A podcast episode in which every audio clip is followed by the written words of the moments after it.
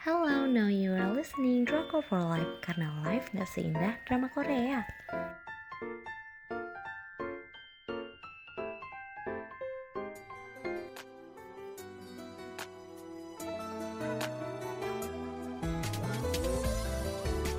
Review drama Korea Worlds Within Hyun Bin sama Song Hye Kyo kelar syuting langsung pacaran dengan judul lainnya The Worlds That They Live In dengan stasiun penyiarannya KBS tanggal penayangan 27 Oktober sampai dengan 16 Desember 2008 jumlah episodenya ada 16 episode dengan rating 4 dari 5 Selanjutnya aku bakal bacain sinopsisnya. Hyun Bin memerankan Jung Ji Oh dan Song Hye Kyo memerankan Ju Junyoung.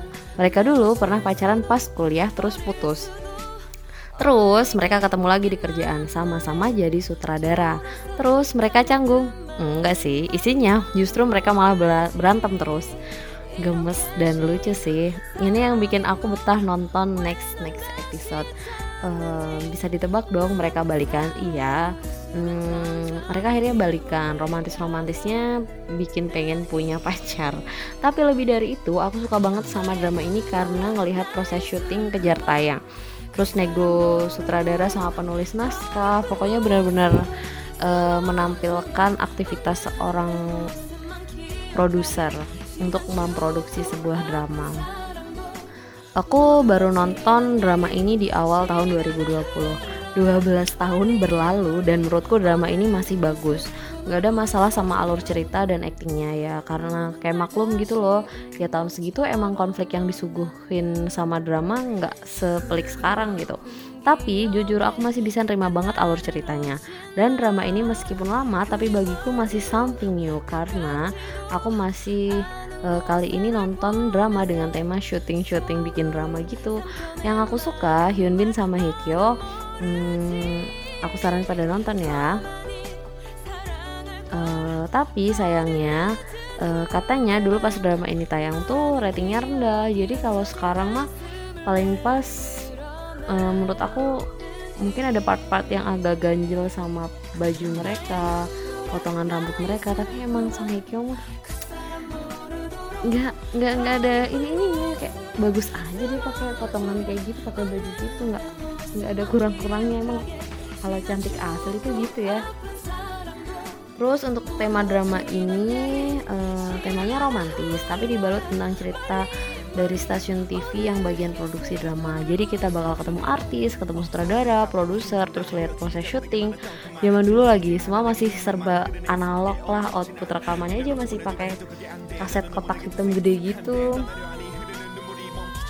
Terus penokohannya yang pertama adalah Ju Jun Young diperankan oleh Song Hye Kyo. Dia adalah seorang produser wanita di antara banyak pria. Nggak sengaja ketemu mantan pacarnya di kerjaan. Dan kayak dia tuh hubenya gitu, tapi kerjaan mereka berantem terus yang bikin gemes. Jadi Jun Young ini anak orang kaya dan ada uang. Selanjutnya ada Jung Ji Oh diperankan oleh Hyun Bin. Hyun Bin dia adalah produser juga. Hmm, kayak suka kejam ke Junyong gitu masalah kerjaan. Tapi suka ngajakin keluar juga buat minum kayak eh, nongkrong lah gitu. Tapi kalau masalah kerjaan ih si Junyong jahatin terus. Kan bingung ya pokoknya gemes sih kelakuan mereka. I don't know apa yang ada di pikiran Ji Oh pada waktu itu Terus aku mau ngejelasin beberapa case pendukung lucunya ya. Karena drama ini udah dari kapan tahun Jadi tuh case-nya tuh kelihatan banget perubahan fisiknya. Kalau dulu mereka berperan sebagai orang-orang di usia produktif uh, Kayak temennya, musuhnya, atasannya gitu Atau artis hitsnya Nah kalau di drama sekarang kebanyakan udah jadi kakek nenek. Si mereka itu yang harusnya jadi bapak-bapak Sudah jadi kakek nenek. Uh, jadi ini beberapa aku bakal bacain ya. Ada Om Ki Jun yang ceritanya dia jadi uh, yang suka sebel-sebel gitu suka berantem sama Hyun Bin ya rekan kerja sih.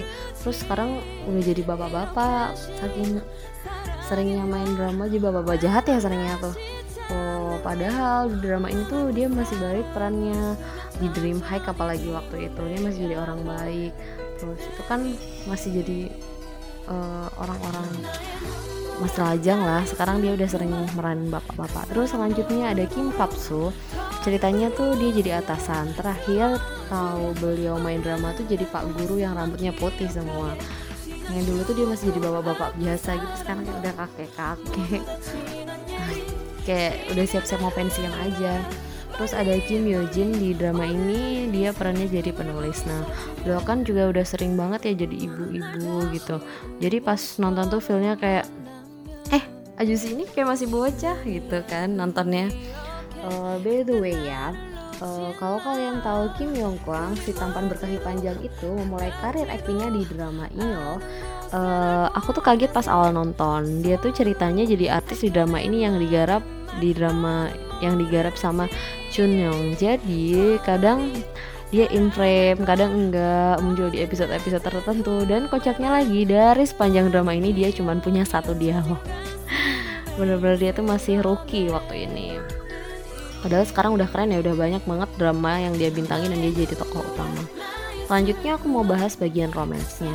Bakal banyak cinta-cintaan manis, serius aku nggak bohong meskipun agak receh dan gak penting tapi ya gitu cinta-cintaan gak ada standar kerennya gak penting kan kalau nyapu rumah sama gendong pacar emang mm, emang ya gitu tapi dilihatnya kita happy kok terus mereka tuh kayak punya rumah buat kabur dari kepenatan kerjaan kayak short escape-nya mereka berdua gitu. Romantis banget pokoknya. Meskipun mereka tuh udah putus tapi kayak kelihatan masih sama-sama suka gitu sebelumnya. Ya situ bayangin aja. Kalau udah putus tapi masih minjem pundak buat bobo gitu. Apaan sih yang gimana itu kayak masih tarik keluar menurut aku kayak masih ada perasaan yang belum selesai. Kamu uh, meskipun Bokajun yang lempeng tapi aku yakin dia juga masih suka gimana enggak. Mereka tuh bawel berdua berantem mulu tapi yang masih keluar bareng buat minum. Kayak pas melihat mereka dalam proses balikan tuh kayak eh cepet lah balikan lah gitu. Banyak adegan gemesnya pokoknya uh, sayangnya karena ini drama lama jadi ya pola romansnya masih kayak dulu jadian terus ada masalah yang seakan-akan aku nggak bisa lagi sama kamu tapi aku masih cinta terus akhirnya kita mending putus aja dan di akhirnya balikan lagi. Kayak gitu sih tapi itu bukan satu part yang mengecewakan untuk aku.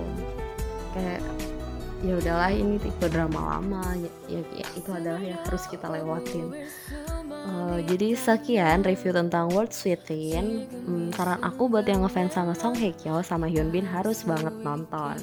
Uh, yang mau dapet the best scenes dari drama ini kalian bisa cek dengan hashtag World Within underscore DFL uh, atau masuk ke Instagram kita uh, di @drakor4life underscoresnya terus kemudian pakai y terima kasih sudah mendengarkan